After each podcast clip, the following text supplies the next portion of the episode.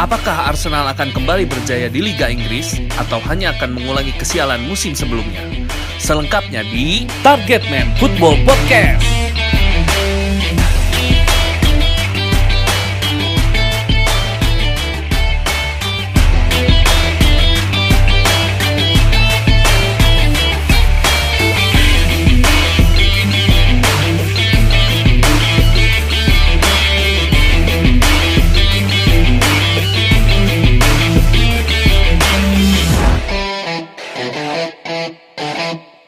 Selamat datang teman-teman semuanya di Target Man Football Podcast episode kedua. Nah, hari ini eh, nggak uh, cuman gua doang dan Sam, tapi uh, gua ditemani oleh satu bintang tamu. Uh, nanti gua akan perkenalkan, tapi sebelumnya kalau yang belum mendengarkan episode pertama kami, uh, izinkan saya memperkenalkan diri dulu. Nama saya James dan pekerjaan saya sebagai graphic designer dan juga entrepreneur. Uh, saya adalah fans dari Barcelona dan juga Tottenham Hotspur ya kalau di Liga Inggris ya. Uh, kalau Hotspur itu saya nggak terlalu abadi dan silahkan rekan abadi saya memperkenalkan diri. Lagi, oke. Okay. Nama gue. Iya dong. nama, nama gue Sam. Uh, ya. Biasa dipanggil L. Kalau teman gue yang ini ntar panggilnya biasanya L atau Nenere ya. Hmm. Uh, eh, gue sukanya El Nino ya, El Nino ya. El Grande, El Grande. Hmm, striker flop. Terus? uh, gue sukanya Barcelona dan Arsenal tapi gue lebih cinta ke Arsenal gue Barcelona paling gue ngikut-ngikutin aja newsnya sama oh, gitu. update-nya biasanya cuma hati gue sih Arsenal ya oh gitu oke okay. nah sekarang kenalkan dulu dong satu teman kita nih halo Siapa? semuanya halo. James ya. halo L Iya. Halo, selamat datang. Nama gue Glenn. Thank you banget nih sebelumnya udah ngundang gue di, di podcast ini. Uh, nama gue Glenn dan uh, gue fans Arsenal, The Gunners. Ya dan thank you udah ngundang. Ayo kita mulai. Yeah. Wah, gila, gila. Udah, semangat udah, banget ya. Semangat ya. Semangat banget. Oke, okay. ya karena hari ini uh, kebetulan saya sebagai uh, fans dari Spurs dirempuk oleh dua fans Arsenal. Maka episode kedua ini kita akan membahas lebih dalam tentang Arsenal.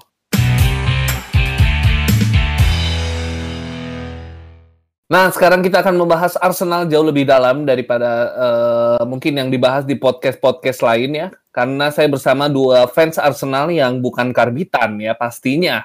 Pasti. Tapi sebelumnya gue mau nanya dulu nih buat Glenn. Uh, Glenn, lu suka Arsenal tuh dari kapan? Gua suka Arsenal kurang lebih 2005 2006 di hmm. tahun terakhirnya Arsenal di Highbury. Berarti ya 15 tahun berarti gue suka Arsenal. Beda. Ikutin gitu. Mm Hmm. Jadi uh, lu mengalami ya waktu salah satu legendanya uh, Thierry Henry pindah ke Barcelona tuh lu cukup uh, gimana? Terpukul tidak? ya, jadi gue uh, ini banget sih apa uh, bisa dibilang gue suka sama tim ini tuh di akhir masa kejayaan dan juga di awal mu musim yang parah banget kan sampai bertahun-tahun itu kan. Ya, salah hmm. satunya waktu Ongri itu pindah ya lumayan sih. Gue inget banget tuh itu hari Minggu kan uh, berita itu uh. ada. ya kira pindah dan ya ya di sana kan dia memang targetnya untuk Champions League kan dan dia dapet itu ya he's he's still legend gitu loh. Iya sih. Sebenarnya dia legend. Lu gimana Sam? Dua klub tuh Henry itu sama. Lu gimana Sam? Uh, gua gua nggak tahu persisnya ya dari kapan tapi hmm. mungkin masa-masanya Van Persie ya. Gua soalnya hmm. Suka gara-gara om gua nonton ngajak gua nonton, nonton karena dulu gua juga suka nonton bola. Hmm. Mungkin karena dia juga. Uh, gua nonton Barca, nonton Arsenal dari mungkin SMP. Pengaruh dari om dari lu. SD SMP lah, SD SMP. Iya, pengaruh dari om gua. Pengaruh dari om gua. Oh. Iya. Pasti pemain kesukaan lu asli Cole ya? enggak lah. Kan enggak. karena dia menginspirasi gitu. karena kan dia inspirasi. Dia dia ada di London biru dan juga London merah. Ya ya gua gua gua inget waktu gua sempat nonton itu yang si Aaron Ramsey sampai patah patah kaki itu. Gua gua inget hmm. itu tahun berapa ya? Udah 2008 itu. 2008 ya uh. Itu itu ya gua udah senang Arsenal. Gua nonton Arsenal terus tuh Oh, iya iya iya. Nah, sekarang uh, gue pengen dong uh, denger kalian nge-review musim uh, 2019-2020 Hmm. tentang Arsenal. Gimana? Mulai dari siapa dulu? Sam dulu deh, boleh deh. Boleh deh. Eh, Iya, ini Arsenal finish ke-8 ya musim lalu ya. Ini Hmm. sebenarnya buruk banget kalau di statistik ya. Dia ini ter terburuk selama 25 tahun. Hmm. Terus empat musim terakhir nih kita di bawah di bawah Spurs terus deh. Iya Jadi, dong. aduh. Hmm. Agak-agak malu kita sih. ya. sampai eh, kita sampai final loh Liga Champion. Walaupun kita sudah tahu itu bakal kalah ya. Tapi final juga nggak juara kan yang penting. Iya. Iya. Kalau juara itu yang bahaya. Iya, bahaya. Iya tuh Benar-benar. gue udah mikir gila nih kalau Hotspur sampai juara nih waduh gila Waduh. banget nih. Cuman kan kita tahu lah sadar diri saja betul. Iya. Cuma ya itu eh, posisi ke-8 itu kan seharusnya dia nggak masuk eh, Europa Europa League atau Champions League. Iya. Cuma kemarin sempat eh, menang FA Cup, menang Community Shield. Jadi dapat tiket masuk Europa League. Dan lucunya itu Spurs jadi harus harus eh, ikut Iya. playoff. Playoff kan, second round playoff lagi. Iya, karena kan kita balik lagi kita nih pelatihnya kan Mourinho. Mourinho tuh gimana pun itu adalah jadi gini ya, gue jelasin ya sedikit, gue nyelip sedikit. Itu tuh sebenarnya konspirasi Chelsea. Jadi Chelsea Gimana, pecat gimana? Konspirasi Mourinho. gimana? Iya konspirasi Chelsea. Loh, nih kayaknya nih Hotspur nih terlalu terlalu dominan nih, bakal jadi klub yang gila nih di London. Jadi dia akhirnya pecat Mourinho, diutus lah ke sono. ke siapa? Ke Hotspur. Nah, gitu sebenarnya kalau menurut gue. Jadi lu Iya, mendukung keberadaan Mourinho di Hotspur atau, atau enggak? Enggak dong. Kan Oh, buat lu- gue itu lu- konspirasi, itu Lu konspirasi tim, Chelsea. timnya itu. Pochettino berarti. Iya, gue timnya Pochettino. Jelas Oh. itu. Oke. Terus apa lagi Sam? Udah nih. Udah, udah, udah. Udah. Review- review gimana. Glenn kalau menurut lu 2019 2020 musimnya yang gimana menurut lu? Review dong. 2019-2020 salah satu musim yang paling buruk ya. Eh ya setelah kemarin kan sempat naik tuh di akhir-akhir Wenger dapat trofi lagi. Terus eh, Wenger cabut, akhirnya Unai Emery masuk dan ya belum bisa membawa apa-apa kan. Kita cuman sampai final Europa League dan di Mm-mm. tahun ini ya itu masalahnya bukan hanya trofi sebetulnya udah udah bukan masalah lagi ya karena kita udah nggak puasa gelar lama kan. Tapi yang Mm-mm. masalah itu adalah eh, di internal timnya yang kerasa banget ada perpecahan di situ. Ada ada kubu dan juga yang paling jelas itu kan adanya perpecahan antara pemain dan juga pelatih. Bisa dilihat Hmm. dari Ozil sama Unai Emery yang yang secara terbuka gitu di media maupun di pokoknya kita bisa lihat deh sebagai fans kalau memang itu ada masalah di internal. Tapi di pertengahan musim eh Mikel Arteta yang ditunjuk dan awalnya gue jujur aja pestim- pesimis ya karena Mikel Arteta siapa dan dia belum menukangin Iya, gue dia- walaupun iya. dia Belum pernah megang tim sama sekali kan dia. betul wa- walaupun di City dia jadi asisten pelatih cuman dia belum pernah menjadi pelatih kepala jadi ya gue tidak expect apa apa dari seorang Mikel Arteta tapi dari cara permainannya itu ya mengejutkan aja gitu karena mungkin karena gue gak berharap gitu ya jadi permainannya bagus dan akhirnya trofi FA Cup Community Shield jadi ya not bad lah untuk satu harapan ke depan gitu loh Hmm, Iya, betul. ya. Terus itu memang sangat mengejutkan sekali waktu Arsenal menang lawan eh, Chelsea, Chelsea, dan, dan, Liverpool. bahkan eh, Liverpool gitu. dan City, City, juga. City. Chelsea, Liverpool itu mengejutkan semua Itu Iya, dalam iya. berapa minggu tuh jangkanya? Gila. iya dal- dalam beberapa minggu Ya, memang kedatangan Arteta ini eh mem- apa ya ada ada membuat Arsenal punya wajah baru juga kan. Jadinya Betul. ada apa Arteta juga bawa visi misinya Arsenal. Nah, makanya kita akan bahas lebih dalam lagi eh sebenarnya Arsenal ini menuju transformasi atau memang just another poor season. Tadi udah di-mention eh, sama Glenn juga sama El juga sama Sam kalau eh, Arsenal ini selalu finish ya dalam empat musim terakhir ya di bawah Hotspur ya di mana which saya sedang mengatakannya dengan tersenyum. eh tapi kita mau bahas lagi sebenarnya apa yang membuat Arsenal bisa eh, finish di bawah itu gitu, di bawah ekspektasi ya karena kita tahu apa yang terjadi uh, di masa lalu, apa yang terjadi sebelumnya pasti mempengaruhi apa yang ada di lapangan hari ini. Dan salah satu yang gue uh, research adalah uh, internalnya, internalnya secara strukturnya itu memang uh, lagi bermasalah. Nah, dan gue akan menyebutkan salah satu namanya yang menjadi uh, salah satu apa kunci ya dari manajemennya Arsenal ya, yaitu Ivan Gasidis uh, penghancur Arsenal atau bukan. Nah, banyak yang nggak tahu kan uh, Gasidis siapa? Ayo Sam, lo tahu Gasidis siapa? Jelaskan. Uh, jadi Gasidis ini dia CEO Arsenal waktu udah lama ya. Dia sejak pokoknya dia resign tahun 2017 kalau nggak salah itu. Hmm. Uh, 2017 atau 2018? 2017 ya. Oh, 2017, 2017 ya Glenn ya. 2000 uh, gue kurang kurang hafal ya 2017 18 Dua, 2007 Ya, antara 2017 2018. Anyway, pokoknya Gazidis itu CEO Arsenal sebelum sebelum Rausan Lehi dan kawan-kawannya masuk. Hmm. Uh, bukan masuk, jadi diangkat gitu. Uh, tapi sebelumnya itu Arsenal itu cuma dipimpin oleh CEO dan di bawah CEO itu ada uh, head coach, direct ke hmm. head coach.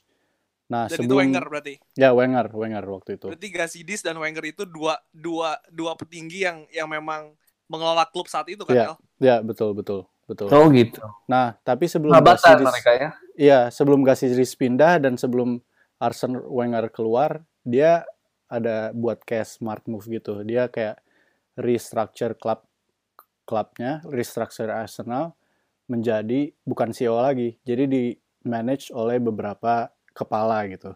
Dia menjabarkan jadi ada head uh, head of football, uh, managing director, terus uh, football op head of football operation.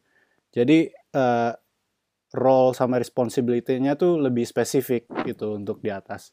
Untuk Nah, untuk Tapi gue tuh mau menekankannya lebih di sini adalah Ivan Gasidis itu penghancur Arsenal atau bukan? Nah, itu. Kan kalau nah, tadi lu lu udah sebutin ini dia sempat restructure gitu.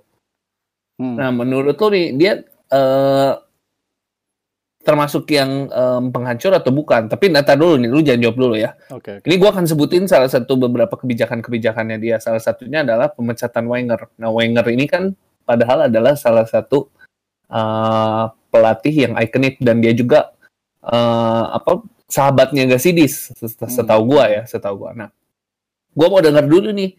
Uh, Sam dan Glenn ini adalah uh, pendukung Wenger atau bukan? Dan Kalau salah gua... satu pemecatan Wenger itu tepat atau tidak menurut lo? Kalau gue jujur, uh, gue Wenger in ya. Uh, hmm. Karena gue mendukung mendukung Wenger sebetulnya waktu di akhir-akhir yang fans itu kebelah dua ada Wenger in, Wenger out, gue termasuk yang Wenger in. Karena hmm. dengan segala kebijakannya dan segala yang udah dilakuin. Tapi kalau untuk dibilang pemecatan, gue nggak nggak uh, setuju sih James karena uh, mungkin lebih bisa dibilang tidak diperpanjang kontraknya dan memang oh, Arsenal gitu. yang memang butuh uh, masuk era baru karena hmm. kan oh. juga Wenger udah dari tahun 96 di klub itu dan ya memang butuh apa ya suasana baru lah gitu itu juga kan yang tadi dijelasin L kalau memang secara struktural dan lain-lain ya harus mengadaptasi sama kondisi sepak bola sekarang yang udah hmm, berbeda ya. jauh sama dulu. Hmm. Nah terus ke uh, lu lebih setuju Wenger in karena karena sekarang Arsenal selalu tidak masuk top 4 kan? ya kan? Karena waktu zamannya Wenger tuh udah kayak udah pasti booking, udah lu kayak udah bener-bener gue udah pasti booking nih. Arsenal tuh udah pasti masuk champion. Zamannya Wenger. Sebenarnya agak mem membingungkan ya uh, apakah in atau out karena sebetulnya secara kualitas sepak bola udah bisa dilihat banget waktu akhir-akhir uh, Wenger itu menjabat eh, trofi ya ada gitu loh dengan catatan Wenger itu disokong oleh uh, owner CEO owner dan uang gitu loh untuk bisa membeli pemain dan lain-lain karena menurut gue udah udah di zaman sepak bola saat ini di mana Russian money dan juga Arabic money ini ngalirnya gila-gilaan gitu loh lu nggak bisa hmm. compete sama tim-tim yang kayak gitu nggak bisa compete lagi pakai cara yang kayak dulu kita uh, mengandalkan mengandalkan uh, akademi kita kayak Barcelona pun kan saat ini La Masia kan juga setelah uh, berapa tahun ini kan belum ada produk-produk seperti Messi, uh, Xavi, hmm. Iniesta gitu loh. Jadi yeah. itu sih menurut gua. Iya, iya. Hmm. Butuh butuh butuh eh, butuh Butuh suasana wajah baru, baru, dan iya, suasana iya baru. butuh Hmm. wajah baru. era yang baru. Karena udah emang Kalau lu Sam gimana Wenger? Gua sih Lu Wenger in, Wen- Wenger Wen- out? Wenger out, Wenger out. Karena gua gua sebenarnya nggak nggak nggak punya not much to say harusnya karena gua baru-baru baru baru suka Arsenal tuh mungkin baru-baru ya. Gua mungkin nggak pernah ngalamin eranya gimana eh, unbeatable di Premier League, tapi udah terakhir-terakhir itu gua udah ngerasain sih. Eh, cara Zamannya permain permainannya itu udah kayak out out of date menurut gua.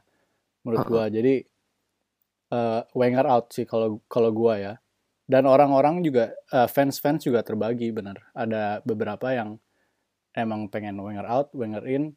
Tapi mungkin Wenger out udah a good decision sih menurut gua. Emang butuh wajah baru dan butuh transformasi Oke. Nah, kan Tapi gue salah setuju satu- sih dengan de- dengan L yang ngomong eh, bahwa taktik Wenger itu usang. Gue gue cukup setuju dengan itu sih. Dan Hmm. itu kan yang gue bilang jadi dilema. Ada satu bagian yang bikin gue pengen Wenger in, cuman di bagian lain kayak udah deh selesai Iya, ini udah, udah iya. udah udah Ah, udah gitu. banyak yang lo lakuin buat klub ini gitu loh. Hmm. Waduh. Iya, gue gue kalau nonton Arsenal dulu kan itu ada spanduknya Wenger out. Ada gitu. Sampai ini Nah. cuy, sampai sampai dulu pernah ada yang nerbangin pesawat itu loh. oh Iya, iya, iya, gua tahu. gua ingat. Itu gua tahu, Wenger tahu beritanya. Gitu loh. Iya, iya. Nah, salah satu kebijakan Gasidis yang lain adalah eh, kan abis Wenger dipecat tuh, Hmm. dia hiring Unai Emery. Waduh, gimana nih? Oh, Unai Emery ini pelatih favorit kalian? gue gue jujur ya waktu Unai Emery datang gue gue expect expect Iya, lu lu ex- eh, lu excited. Gue lihat di Instastories lu, gue masih inget lu tuh kayak sayang gitu sama Unai Emery. Iya. pertamanya ya gue berharap banyak lah karena gue pikir Unai Emery ini ya bagus lah di Sevilla dia menangin Hmm. Europa League terus mungkin inilah Hmm. yang Arsenal butuhkan sama ini dan Oh, gue gitu. gue lihat Gua jamin eh gua jamin eh, waktu Arsenal masuk Eu- final Europe League lu tuh kayak wah ini saatnya Unai gitu kan. aduh ya gue Iya kan? kalau gue Tahunya kalah sama Saribol. iya Oke. Iya tapi setelah gua ikutin lagi week one, week two eh, di Premier League, waduh mainnya kacau juga. Tapi Nggak- waktu dia pertama kali masuk eh, beberapa pertandingan awal tuh menjanjikan sekali loh. Iya, eh, iya, iya. Tapi kayak dia mainnya kan highline defending ya, itu udah fragile banget. Terus sama kayak pemainnya tuh kayak nggak nggak paham sama taktiknya dia dan nggak Hmm. familiar mungkin ya. Dan gua inget dia pengen mainin dari belakang dari kiper kan, pengen play the ball from uh, defense. Uh, tapi nggak nggak Nggak achievable, nggak achievable Oke. karena mungkin Kalau- pemain pemainnya juga nggak memadai dan emang dia nggak bisa implement taktiknya ke pemain-pemain di Arsenal. Oke. Kalau lu Glenn gimana Glenn? Tapi Unai itu menurut gue untuk dari segi pemain ya dia itu kayak diberikan kebebasan deh untuk memilih gitu loh. Karena Hmm. seingat gue tuh ada beberapa pemain yang masuk di zamannya dia kan. Tapi memang di awal eh waktu itu kan gosipnya kan antara Unai Emery atau Massimo Allegri. Eh dia Atau- dia cuma dua musim kan ya? Unai Emery cuma dua musim ya? Satu setengah musim Satu malah. setengah. Oh satu setengah musim. sa- satu setengah musim. Itu karena ya Unai Emery bagusnya kan di Sevilla dan juga di Sevilla Valencia apa tim-tim yang memang bukan top eh, top timnya di Spanyol. Hmm. dan Hmm. memang ya memang dari historinya dia di Europa League itu bagus kan karena dia Sevilla itu berapa kali juara sama dia dan Hmm. waktu Arsenal masuk dan juga ke final juga ya oke not bad gitu for the first season tapi at the end ya itu sih gue lebih concern dan juga melihat bahwa hubungan dia dengan pemain yang bermasalah dan juga akhirnya Iya. membuat semuanya kacau gitu loh Mm-mm. Oke, Betul. nah, eh, kedatangan Unai Emery udah di hiring nih. Nah, kebijakan yang lain adalah salah satunya manajemennya eh, Arsenal banyak yang di apa? dirombak ya untuk mendukung Unai. Emery. Mm. Nah, ada kebijakan yang lain yaitu Sanchez tidak diperpanjang kontrak. Ini selama masa pemerintahannya Ivan Gazidis sebagai CEO, itu Sanchez itu tidak diberikan kontrak baru. Itu kan membuat Sanchez pergi ke Manchester United. Sanchez itu itu sebetulnya sebuah dilema sih itu itu penyakit Arsenal di tahun eh, di eh, Sama kayak Van Persie kan ya? Betul. Ya, mirip-mirip. penyakit Ar- penyakit Arsenal di kontrak pemain di mana di tahun keempat mereka eh, menghadapi dilema apakah pemain ini harus dilepas atau akan Kasih kontrak baru. dilepas secara gratis gitu loh di Oh, iya, akhir iya. musim Hmm. di, di musim selanjutnya karena memang pemain-pemain ini tidak memiliki daya tarik untuk bertahan karena kan mereka inginnya gelar karena kalau misalkan kalian eh, kita nih kita nonton eh, wawancara Van Persie atau siapa mereka alasan mereka pasti akan gelar gitu loh karena memang kita tidak bisa me-provide itu dengan kondisi tim yang sekarang jadi ya menurut gua sa- betul sih Oh. James kayak Van Persie dan juga eh, Sanchez itu eh, same case di mana mereka Eh tapi gelar, Van Persie itu kagak mau cabut tau. Setahu gua ya, Van Persie itu nggak mau cabut. kalau Van Persie mungkin kalau yang gue lihat karena umur juga kali ya kayak dia udah dari tahun 2004 di Arsenal eh, kaki kaca juga rentan cedera karena Hmm. sepanjang 2004 hingga 2011 top topnya tuh di 2011 selama satu musim yang di mana dia jarang banget cedera sisanya itu dia bisa hampir Oh. Sering banget cedera kan dan pertimbangannya waktu itu kalau misalkan eh, diperpanjang misalnya tiga tahun 4 tahun dengan gaji yang dinaikkan juga dengan umur yang udah nyaris kepala tiga udah melewati masa kemasan gitu untuk se- seorang striker ya tidak menguntungkan juga apalagi kalau kita lihat owner owner kita tuh Stan Kroenke dan keluarganya ini kan pembisnis banget gitu loh mereka Iya. jadi cuan cuan cuan Iya, Jadi mereka ya, juga nggak make nggak sense kalau mereka dicabut pelit pelit banget mereka tuh nggak nggak pernah ngasih duit ke Arsenal. pelit banget Pelit banget. Oh gitu. Hmm. Sama lah kayak eh, ini ownernya Spurs. kalau Hmm. kalau Spurs kan waktu itu sempat dikasih 100 Pelit juta banget pound tapi. itu Wah Tapi tapi kan tapi proyeknya, pelitnya kan? sama. Iya, tapi pelitnya ampun-ampunan sama aja. Cuman nah yang ini menurut gue nih ada yang eh kan Sanchez tuh gak dikasih kontrak baru ya. Van Persie di kontrak baru, malah ngedatengin Ozil. Nah Ozil nih gajinya 350 ribu eh, pounds per week ya. Itu kan Iya, mahal cuy. itu gue juga Sama eh, Mkhitaryan bagus. juga, bener gak sih? Mkhitaryan kan dari dari eh, deal deal dengan Sanchez itu swap swap deal gitu ya Iya nggak sih itu Oh, itu beda be- beda beda era deh kayaknya jadi Van Persie dulu cabut 2012 Iya, heeh, beda. 2014 itu Ozil itu masuk nah Ozil ini tuh salah satu eh, titik Tapi balik dari 2004 kebijakan Arsenal Mkhitaryan maksudnya Mkhitaryan sama Sanchez kan masuk eh, kayak satu deal gitu nggak sih iya betul betul itu itu itu satu deal jadi Iya. kayak dia swap deal add-ons em, eh, Ah, uang gitu loh maksudnya. Iya iya iya Heeh. cuma ya waktu Iya, menurut era-era gitu nggak tepat gitu loh. ya wak- Ozil Ozil tuh tidak bisa menggantikan perannya Sanchez.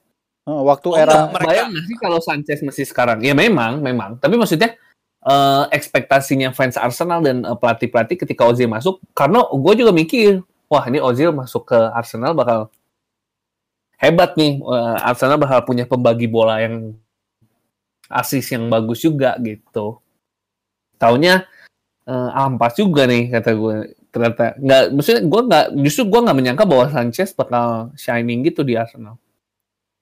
Waktu Kayak dia O- pertama kali pindah. kayak Ozil Ozil dan Sanchez itu adalah dua dua hal yang nyawanya Arsenal dari lini serangan ya karena Mm. waktu akhirnya kita tahu Sanchez cabut ke MU dan juga flop Wenger itu sempat sempat sempat ditanya sama wartawan apa yang Nah, salah dengan dengan Sanchez di Manchester, di Manchester United? Dan dan dia bilang karena di Manchester United itu tidak ada Ozil gitu loh. Karena memang dari segi pema- permainan itu Ozil yang profitable itu dia selalu nyari Sanchez di depan. Itu tuh udah kayak kunci dari permainan Arsenal gitu loh. Dan juga bisa dibilang kelemahan juga sih karena kalau kita ketemu tim-tim besar di zaman-zaman itu lu lu matiin dua dua pemain itu udah lu pemain lain gak bisa apa-apa gitu loh kasarnya. Hmm. Oh, lucunya lucunya Sanchez kemarin eh, dua hari lalu kalau nggak salah ya. Dia minta balik ke oh sebenarnya dia baru reveal reveal. Dia ternyata waktu satu, satu minggu training sama MU dia pengen balik ke Arsenal. Curhat dia cuy. Curhat. Oh, kenapa? Karena dia melihat siapa? Oh, ternyata aku harus main bersama Phil Jones. Sama gitu. Jesse Lingard. Hmm. Jasa Lingard Ternyata aku percuma aku membobol gawang karena defendernya Phil Jones. tapi yang ya, ya yang gua nggak ngerti itu dengan Ivan Karisidis dengan eh, waktu zamannya ini kan Arsenal masih struggling ya dengan finan- financially mereka Mm-mm. eh, ngejual Sanchez sama Van Persie sih make sense menurut gua karena yang gua baca itu eh, mereka ditawarin kontrak yang lebih tinggi eh, Mm. wage-nya sama klub lain dan itu Iya, iya, yang betul. sama consideration yang lain kayak uh, mereka pengen gelar, pengen gelar karena di Arsenal mereka nggak bisa dapat gelar apa-apa Premier League. Hmm. Dan Tapi Sanchez, al- Sanchez alhasil- dan juga Van Persie itu good business ya menurut gua. Iya, iya. Kayak dibandingkan lu melepas dia secara Melepas gratis free, ya mendingan iya, lu dapat iya. uang. Makanya, makanya itu menurut menurut gua uh, Emang itu keahlian Arsenal. salahnya Ivan Gazidis tuh kayak di Ozil-nya itu gitu. Kayak dia overspend banget menurut gua di Ozil dengan gaji yang 350 juta per week Ih, itu. kalau kata gue agak sidis tuh punya dua kesalahan, nggak cuman Ozil. Una Emery aja udah kesalahan menurut Iya. gue. Iya. Tapi sebetulnya kalau misalkan lu ngomongin Ivan Gazidis ya, tadi kan pertanyaan James di awal, apakah dia Iya, nah ini kesimpulannya menurut tuh itu eh, Gasidis tuh penghancur atau bukan? Silahkan dijawab oleh kedua dari fans Arsenal yang maniak ini. Kalau gue melihatnya dari dari dua sisi ya, Ivan Gadis eh, dari sisi trofi, dari sisi prestasi atau secara bisnis dan juga fasilitas. Karena kalau Hmm. dari segala dari segi trofi waktu dia masuk tuh kalau nggak salah ya di tahun 2008-an itu emang Arsenal lagi kacut-kacutnya tuh, lagi Hmm. nggak lagi nggak nggak deh poin nggak banget deh dari segi transfer main kayak dia tidak memiliki niatan untuk menjuarai sesuatu gitu karena memang gue lihat waktu itu objektifnya adalah membangun Emirates Stadium yang mahal itu gitu loh dan dan Hmm. dan nyatanya berhasil kan. Maksudnya Emirates udah udah terbangun. Dan sekarang kalau gue lihat dari sisi eh, keuangan kita juga bisa lihat bahwa spend yang eh, digelontorin klub untuk pemain sekarang udah mulai besar lagi. Karena kalau sedikit ya gua gua gua bandingkan. Di tahun 2008 itu pemain-pemain gratis yang yang datang pemain-pemain nggak jelas yang datang itu yang pemain-pemain kayak gitu. Kalau sekarang kan kita lebih bisa ada Nicola Pepe yang harganya Hmm. gila-gilaan Sanchez Ozil itu top-top kayak top class player gitu yang masuk ke Arsenal gitu loh. Iya. Dulu kan Jadi kalau dari- Arsyafin top. beda. Ada level itu. Beda level itu. Tapi eh, intinya adalah kalau dari secara bi- eh, secara bisnis dia berhasil. Karena waktu dia cabut ke AC Milan dia dia sempat ngomong kalau dia udah meletakkan fondasi itu di klub ini. Fondasi itu termasuk fasilitas eh, fasilitas training yang juga salah satu yang terbaik di Inggris. Lalu juga dia membangun Emirates Stadium. Tapi kalau untuk kita lihat on ada on another side-nya kalau kita lihat dari sisi trofi ya memang nggak bagus-bagus amat karena kan juga eh provide-nya kan di akhir-akhir kan FA Cup dan juga Commu- Community Shield aja. Itu sih. Gue sih gue sih Oke. setuju sama Glenn yang tentang itu. Dan tapi ya mungkin ada kayak mismanagement sedikit-sedikit. Cuma overall gue sih puas ya. Kar- karena yang Oh puas. lu ya gua nggak akan ya puas puas puasin lah. Nggak akan puas sampai dapat Premier League. Cuman ya se sebatas sebatas sebatas itulah puasnya. Eh, however ya kayak kemarin yang sebelum sebelum dia pindah itu dia sebelumnya yang, yang tadi sebelumnya gue mention juga dia restructure eh, klubnya. Itu menurut gua turning point banget. Karena pas banget dia eh, pas banget si Wenger keluar dan itu perlu banget untuk suatu klub karena dulu di sebelum modern football yang kalau sekarang kan pelatih itu cuman bisa tahan paling ya 3 4 tahun gitu ya. 3 4 tahun. Hmm. Karena kalau 5-6 tahun jadi kayak Pochettino, jenuh. Iya. Bener, jenuh pemainnya tuh kan, jenuh sama Makanya pelatih-pelatih sekarang tuh nggak akan nggak akan lama gitu. Kayak Iya. kayak Wenger, kayak Ferguson. Nah, structure itu tuh CEO sama head coach itu cuma cuman bisa ditanamin sama kayak pelatih-pelatih yang lama kayak gitu. Nah, Hmm, sekarang karena dia era baru, dia dia mau keluar sama Wenger juga out, jadi dia restructure klubnya. Jadi dibagi eh, jadi kayak tiga atau empat cabang gitu di di kepalanya. Jadi yang tadi gue bilang head coach, eh sorry, eh, head of eh, head of technical director, head of legal, head of f- eh, operation, football operation, gitulah. Itu signifikan banget sama role mereka lebih spesifik. Jadi untuk sustainability of the club gitu. Tap- Tapi Oh. bener sih karena karena saat ini eh, yang gue denger dan gue baca juga eh, dari segala jenis transfer pemain itu semua by data gitu loh. Iya. Jadi semua tuh dikontrol sangat detail. Dia bisa passing berapa berapa passing per game, berapa gol, kecepatan Oh, berapa, areanya berapa itu tuh Iya, iya. diteliti semua gitu loh. Dan ya memang kalau misalkan ada tim-tim yang tadi El uh, bilang ada tim-tim detil lagi tim-tim kecil lagi ya Mhm. make sense yang gue bilang ya it's it's a new era for Ya, Arsenal aja in, re- in result kan uh, tiga tiga tahun terakhir ya uh, transfer Arsenal lebih lebih baik ya menurut gua ya lebih efektif ya lebih efektif lebih efektif overall ya. Iya, oke. Oh gitu memang kita eh, berarti lu berdua setuju eh, apa yang dilakukan oleh Casillas itu mem- apa membangun sebuah fondasi untuk Arsenal memasuki era baru. Iya, disayangkan Gitu aja dia kan? pergi gitu disayangkan sih Oh, disayangkan sama pergi. sebenarnya Ya, tapi, jangan dia lupa juga dihujat apa? loh di di Milan kayak dia banyak fansnya yang nggak nerima dia dia ke sana karena dia dianggap gagal di Arsenal gitu Iya, makanya oh, mungkin Sebenarnya- mereka nggak mengerti nggak mengerti dalamnya gimana menurut Hmm. Tapi se- sebenarnya James ya, eh, menurut gua kalaupun ada yang menganggap CEO ini gagal, sebetulnya bukan dia. Stan Kroenke-nya yang yang harus yang harus disoroti. Ada ini semua benar sekali. semua Hmm. uangnya kan itu dari dari pemilik kan. Kalau CEO kan pasti akan akan ngikutin pemilik. CEO kan yang menjalankan tugas kan, tapi kan Betul. tetap kebijakan final decision-nya kan ada di Stan Kroenke gitu loh. Mm-mm. Iya, iya, betul. Makanya kalau tadi udah di-mention soal oh Arsenal punya stadion baru, sudah mau memasuki era baru. Anda juga jangan lupa bahwa rival Anda yaitu Tottenham Hotspur punya stadion baru juga.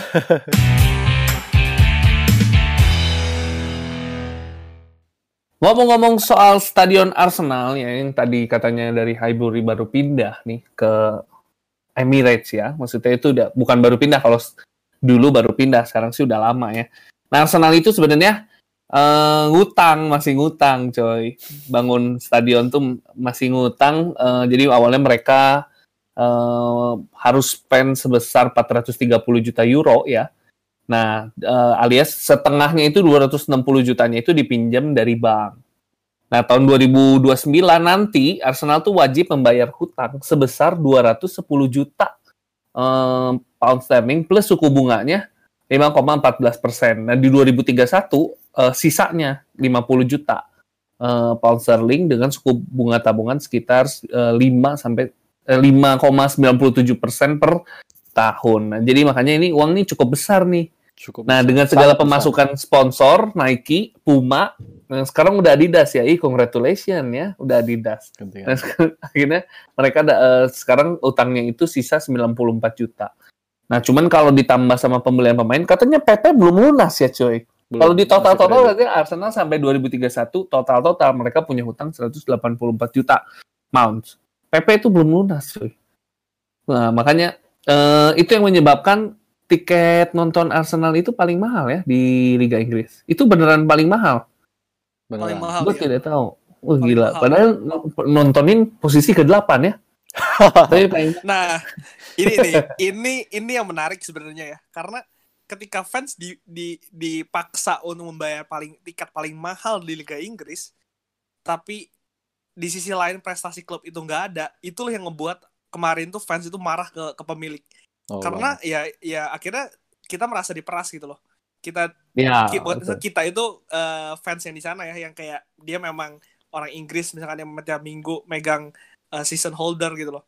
Lu ya yang satu bayar, season terusan semua gitu. betul. Lu Gimana? lu disuruh bayar tiket mahal tapi pemain lu aja gitu lu nggak bisa ngasih trofi gitu loh. Hmm. Tapi kan Iya. setelah ada trofi kan eh, suara-suara itu kan nurun kan dibandingkan waktu 2013 2012 tuh puncak-puncaknya tuh. Oh gitu. Ya, ini makanya Tapi gue Tapi- nggak, iya gue nggak ngerti ya kenapa pelit banget Kroenke. Tapi terakhir terak eh, karena berapa- dia investor Amerika, Iya, investor Amerika kayak gitu kan. Tapi gue surprise ya minggu lalu atau berapa hari lalu ya dia Hmm. eh, ngasih pinjaman ke Arsenal. Jadi utangnya Arsenal tuh lunas ke bank. Jadi Arsenal ngutangnya ke Kroenke. Jadi dia udah udah Jadi ya, sebenarnya istilahnya, Arsenal tetap ngutang kan tetap ngutang, tapi nggak ada nggak ada kayak Iya. ada nggak ada bunganya gitu lah. Lebih Oh, meringankan nggak ada lah bunganya. istilahnya. Oke. oke. Meringan, Tapi itu susah, susah, susahnya dimiliki oleh pebisnis yang gak suka bola kayak gitu, kayak Liverpool, Arsenal. Kalau Abramovich sih dia jor-joran karena dia memang suka bola kayaknya ya, dari 2004 berarti dia. Enggak, dia Udah dia berapa tuh ini. Dia dia dia bukan suka bola sebenarnya. Untuk lifestyle. Iya, iya. Karena kan dapat dapat apa namanya? Tapi eh, kalau masalahnya masalah di, masalah di Arsenal kan ini all about business gitu loh. Jadi bener-bener kayak untuk eh, mendapatkan uang aja. Iya. Heeh. gue setuju sih soal itu sebenarnya. Eh, nah gue mau nanya nih sama lu semuanya soal stadion, karena kan eh, Arsenal tuh pindah ya dari Highbury ke Emirates, Emirates. di mana which is Highbury itu menurut gue adalah stadion Arsenal paling angker. Kalau sekarang tuh Emirates tidak ada angker-angkernya menurut gue. Justru eh, Highbury itu paling angker. Nah menurut lu gimana? Apalagi dulu Glenn yang yang lebih Hmm. lama lah daripada Sam Hmm. Glenn deh yang Eh, cerita. Gua kayaknya iya. nggak bisa punya. lebih lama daripada Sam dan lu sempat nonton juga Arsenal di Highbury. Maksudnya nonton Arsenal kalau main di Highbury. Gitu kan? Menurut lu gimana tuh? Gue tuh nonton dari akhir-akhir kayaknya. Di Hmm. 2005 waktu Arsenal lawan Wigan itu kan pertandingan terakhir 4-1 hat-tricknya Henry. Tapi Hmm. ya kalau dibilang gue ya ini gue harus setuju dengan fans Spurs yang biasanya gue gak pernah setuju nih. Jadi kalau ini gue harus setuju karena Iya dong. ngomong walaupun tim tim ini pindah eh, kandang ke Emirates tapi nyawa dan jiwanya itu tertinggal di Highbury gitu loh. Karena eh apa ya, dari segi permainan beda lah pokoknya zaman-zaman Invincible dan juga sekarang. Tapi kalau lu tadi tanya ke gua harus pindah atau enggak, gue bilang harus. Dan it's a good decision and the best decision menurut gua. Karena Oh. eh ya kita tahu ini sepak bola Inggris udah jadi industri kan. Dari kapasitas aja dulu Highbury itu sekitar cuma 37 ribu penonton, sekarang bisa upgrade ke 60 sekian ribu gitu 64 ribu atau 70 ribu malah. Itu menurut gua kan good business juga untuk klub kan. Untuk Mm-mm. pemain juga kita bisa beli pemain dengan dengan tiket itu gitu loh. Jadi ya memang harus harus harus harus harus pindah. Harus pindah. Oh. Ars- Emirates sekarang 60 ribu kan ya? 64 ya kalau nggak salah. 64 ribu nggak salah. Oh, itu didedet berarti ya? Ada 64 yang nongol-nongol kayak di ini jalan Emangnya di. Siliwangi. Tapi Oke. tapi tapi eh, Arsenal tuh nggak pernah eh, penuh ya stadiumnya.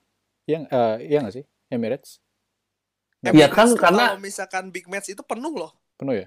Nah makanya Iya, emang- yang Hmm. yang yang gue bilang El kayak kalau misalkan eh, fans disuruh dia bayar Hmm. mahal tapi di segi prestasi nggak ada pasti orang juga akan mau Pasti. gitu loh Ya. tapi kan kalau Iya. misalkan ini klub besar kayak misalkan Bars Barca aja itu kan 90 ribu kan banyak banget ya Iya. Camp Eh, itu kan tapi Barca juga kan. nggak pernah Ya, penuh. Bar Barca Barca juga nggak pernah penuh. Never. Nggak pernah penuh. Nggak pernah tapi penuh. maksudnya nggak pernah penuh pun pasti juga 70 80 Iya, ribu mah iya, ada yang nonton di betul iya. gitu. pasti, pasti, Pasti. pasti, pasti ada itu segitu. kan karena prestasi juga pasti kan dan Hmm, dan hmm, satu hmm. lagi eh, sepak bola itu udah jadi wisata juga gitu loh jadi Iya, kalau di luar negeri emang aja. itu, betul, Betul. betul. Cuman Dan kalau kalau lagi, misalkan it's business gitu Iya, iya. Iya ya, kalau kalau tapi kalau misalkan eh, 60 soal ngomongin oh ya Arsenal kenapa eh, kadang kurang suka penuh gitu, kadang nggak penuh. Lu tuh harus ingat kalau London itu terbagi jadi berapa klub, nggak cuma Arsenal doang. Iya. Ada tetangganya, ada Chelsea, ada Hotspur, ada Fulham, ada West Ham, apalagi ya London ya. Karena memang segitu kan, setahu gua kayak Iya, gitu. ada ada beberapa tim memang Iya. cuma kan yang besar kan ya Arsenal, sebenarnya. Arsenal doang. Ini gila, gila. hey, itu a- Anda ingat ada yang namanya Chelsea. Cuman memang Arsenal lebih punya sejarah, kalau menurut gue. Kalau Chelsea kan sejarahnya dimulai ketika Abramovich masuk. Iya. sejarah Chelsea itu Russian money itu udah paling jelas terpampang Iya, ya. itu udah paling jelas kalau menurut gue. Cuman tetap aja kalau dibilang besar atau tidak ya kita kan Hah, tidak tahu lah mana yang London yang besar atau tidak. Oke, nah udah dulu nih ngomongin stadion nih. Gue mau ngomongin soal uh, salah satu salah satu uh, dari manajemen yang jadi kunci juga dan baru menghebohkan beberapa akhir ini yaitu Raul Sandahi yang resign. Itu pertanda baik atau bukan? Nah, gue uh, gue sedikit meliput nih ya kan uh, Sandahi ini sempat dapat pujian dari fans Arsenal karena uh, bisa signing bisa ngerekrut pemain di musim 2018-2019. Kalau nggak salah itu di menit-menit akhir ya. David Luiz kayak gitu-gitu Iya, masuk, ya kan? iya baru. Nah, kalau gue mau tanya kalian gimana eh, tentang Raul Sanlehi? Puas tidak dengan kinerjanya Raul Sanlehi? Don Raul disebutnya. Don Raul. Hmm. Sam gimana Sam? Gue ya. Eh, Iya. menurut gua sih si- signing signingnya bagus-bagus aja ya bagus-bagus aja eh, as in efisien gitu dia nggak nggak spend bignya big Gimana lo nggak yang efisien? Orang itu Pepe, Nicolas Pepe gimana? eh, apart apart from Nicolas Pepe tapi kayak David David Luiz kayak eh, dia bawa bawa Dani Ceballos yang baru-baru ini juga back Kieran Kieran Tierney ya Eh, menurut gua sih efisien ya dia dia eh, spend money-nya apart from Pepe ini Pepe Eh, karena Hmm. menurut gua Berarti lu bilang Over- Pepe jelek dong? enggak enggak enggak enggak gua nggak bilang dia jelek dia overpriced banget harusnya gua Oh. yang gua baca dia bisa di desain dengan half price harusnya Hmm. cuma nggak tahu kenapa mereka sampai bayar berapa ya 75 atau 8 million 80 million Oh. gitu Eh, mungkin ada consideration consideration lain juga ya di dalam kontrak itu cuma ya gitu aja sih menurut gua Lalu gimana, Glenn? Kalau dari segi transfer, eh gue eh gue nggak tahu ya, ya pasti ak- akan ada andil seorang Sanlehi di dalamnya gitu loh. Cuman kalau tadi ada nama-nama kayak sebenarnya yang paling kelihatan itu Martinelli, itu salah satu pemain muda yang menurut gue memiliki bright future gitu loh. Karena di Nah, Brazil, tapi gue 18 terlalu impress loh sama Ya, tapi Martinelli. kalau misalkan Martinelli kalau lu lihat dari statistik itu gol dan juga eh assist itu banyak. Gua gua nggak gua nggak nggak jelas ya berapa spesifiknya. Cuman eh, dia itu salah satu pemain yang menjanjikan. Dan kalau transfer dari David Luiz kan ya itu jadi pro kontra ya. Ada yang bilang kalau itu Iya, David Luiz. betul betul. Anda Cuman tidak lihat blundernya. Blunder City itu udah paling annoying banget itu yang waktu match pertama setelah Covid kan. Tapi Iya. kalau gue lihat ada value yang ditambahkan seorang Luis ke ke tim ini gitu loh, di mana dia memiliki pengalaman, kedewasaan yang bisa dia tularkan ke yang lain. Karena kalau kita lihat hampir semua pemain Arsenal itu kan nggak ada yang lama, nggak ada yang bisa nuntun gitu loh. Kalau dulu kan Hmm. ada ada seorang Henry, ada Sol Campbell, ada eh, Tony Adams gitu loh yang memiliki jiwa-jiwa pemimpin gitu loh. Hmm. Hmm. waktu 2008 2000 itu itu krisis kan. Fabregas Ya, ya, Galas gue inget banget Galas dia dari Chelsea dijadiin kapten lawan Birmingham kebobolan dan dia nangis di, di, di tengah lapangan. Bukan seorang pemimpin yang bisa melakukan itu gitu loh. Jadi ya saat ini David Luiz walaupun dia bukan kapten cuman menurut gue dia memiliki jiwa itu. Dan kelihatan sih dari dari influence dia ke pemain-pemain lain Iya lah, kalau David Luiz nggak mungkin nangis kalau dia kayak gitu. ketawa Kenapa harus nangis? Udah kepala. Kebiasaan, ya nggak? kan kalau Galas tuh nangis, oh aku sedih, aku tidak bisa menjaga pertahanan sebaik mungkin. Kalau David Luiz tidak nangis, karena dia akan berpikir bahwa oh, itu adalah hal yang lumrah. gue juga Ah, lupa Tapi, lupa, eh, lupa mention kalau nih misalkan kita omongin Sanlehi ya, sebenarnya yang menarik itu William Saliba. Eh, itu dibilang kan banyak banget yang ngomong kalau itu back bagus kan. Nah ini kan Ah. versi sendia nih. Nah gue penasaran nih sama pemain ini apakah memang sebagus itu? Karena gue agak trauma nih sama pemain Prancis, eh, maksudnya yang berasal dari Liga Prancis. Karena di Liga Prancisnya bagus, tapi ketika di Liga Inggris jelek gitu loh. Karena memang beda level kan. Nah, ya ngomong-ngomong Ya. ngomong-ngomong Prancis nih, gua gua lupa mention tadi Guendouzi juga itu kan dari zamannya Sanlehi bukan ya? Iya betul betul. Guendouzi Guendouzi itu dari second tier-nya eh, Liga Prancis loh. Jangan salah. Oh second tier ya? Second tier Guendouzi itu. Hmm, Tapi Guendouzi. dia dia bisa lumayan, tapi dia. dia bisa bisa nge-scout sampai sedalam itu dapat sampai dapat potensi eh, youth youth player yang yang menurut gua lumayan bagus ya apart from dia punya attitude. Dan sekarang price tag dari Guendouzi itu yang tadi gue Naik baca loh, ya, udah Naik. 40 Empat- mil, betul. juta euro ya. Iya, Itu udah naik pemain banget. muda yang baru dua musim di Premier League itu pesat banget loh menurut gua. Iya. Hmm. Cuma ya attitude-nya itu yang harus kita pertanyakan sih. Iya. Dan Hmm. dan dia kan juga Kenapa? dipakai di ini kan di timnas Prancis ya, El. Hmm, ya, ya. Guendouzi itu. Hmm, Guendouzi. Iya, tapi kalau kalau kalau gua ya Raul Sanleki nih, eh, menurut gua kalau gua penilaian gua nih, itu signing PP atau dia ngerekrut PP itu masalah banget kalau menurut gua. Karena gua jujur kaget ya waktu Arsenal tiba-tiba nge-signing mereka eh, nge-signing PP dengan harga berapa? 60 75. Ya, hampir 80 lah intinya. Untuk seorang PP sama-sama dari pemain Prancis loh itu.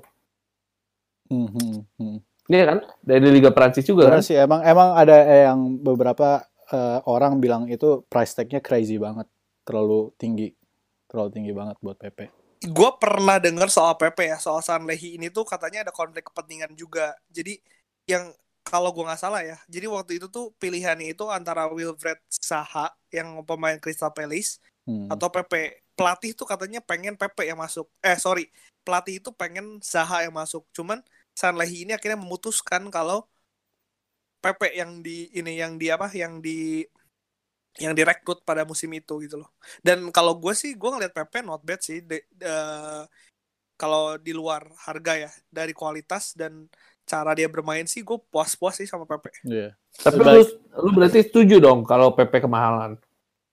karena gue berada di gue udah ber eh, bertahun-tahun berada di posisi sebagai fans yang nggak pernah ngeliat klubnya ini eh, ngedatengin pemain mahal gitu jadi ini menurut gue dia pemain mahal dan ya menurut gue not bad ya dari dari cara main dan gue suka dan dia bisa eh, nyatu juga sama yang lain.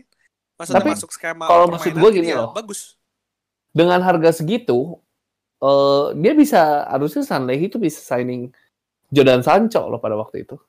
ya dibandingkan dibandingkan spend 90 juta pound untuk eh, seorang Maguire juga itu juga kan sebuah transfer yang dipertanyakan kan? Oh, itu ya, itu menurut gua itu Jadi kan kalau MU tuh tidak ada director of football. Iya, cuman CEO aja Iya nggak? makanya beda lagi. Cuman beda CEO cerita. aja, emang dia mah ngelihatnya, wah ada Harry Maguire nih, kayaknya keren nih, gue pengen kayak sosoknya, eh, sosok Van Dijk nih, di hire lah Maguire lah, yang dapat bukan Taunya kualitasnya Maguire. Phil Jones Iya, kualitas, kualitas Phil Jones itu mah, cuma lebih gede aja sebenarnya. eh fans fans fans MU banyak loh ntar ntar podcast ini diamuk loh Lah, gue mah nggak nggak ini, gue mah cuman ngeledek itu aja si siapa Harry Maguire. Sisanya mah MU semua bagus, cuman itu aja backnya aja. MU MU mah kualitasnya oke oke aja. Nah, kalau Arsenal tapi balik lagi ya kalau kalau kita ngomongin Sanlehi eh, agak membingungkan juga ya karena dia termasuk sebentar loh di Arsenal dan tiba-tiba tanpa angin tanpa hujan tiba-tiba dia cabut Mm-mm. ketika ketika Iya. Arteta masuk Dia dia dia dia kan baru di hire sama si Raul eh Raul lagi. Sorry, eh, Ivan Gasidis. Ivan Gasidis di 2017. Jadi dia baru berapa tahun nih? Tiga tiga tahunan. dua tahun tiga tahun dua tahun dua tahun Iya. dua Oh, gitu. tahun tiga tahun tapi ya yang dari yang gue baca dia keluarnya memang karena eh, cutting staff karena covid jadi kan emang Arsenal financially emang lagi struggling ditambah Hmm. yang eh, utang utang utang Emirates. Terus eh, Ozil lagi dia nggak mau dipotong gaji. Terus eh, board membernya mereka ngekat 55 staff lainnya termasuk San Lehi ini yang gua Tapi kalau kalau Sanlehi sih menurut gua di di posisi dia yang udah tinggi ya, apalagi dia di bawah CEO, maksudnya di bawah ya posisi tinggi di klub agak normatif kalau lu bilang kalau itu di-cut karena karena Covid gitu loh. Mm, lu tapi bisa iya. kasarnya lu bisa me- me- mengorbankan yang lain dibandingkan dia. Cuman menurut gua ada kepentingan yang bertabrakan di situ sih. uh, karena kalau yang kita lihat sekarang baik lagi kan eh, Sam, jadi dia eh, kebijakan transfer kan kalau nggak salah udah dipegang lagi sama Edu Gaspar dan juga iya pelatih kan. iya Hmm. Zaman jadi kayak zaman Gazidis.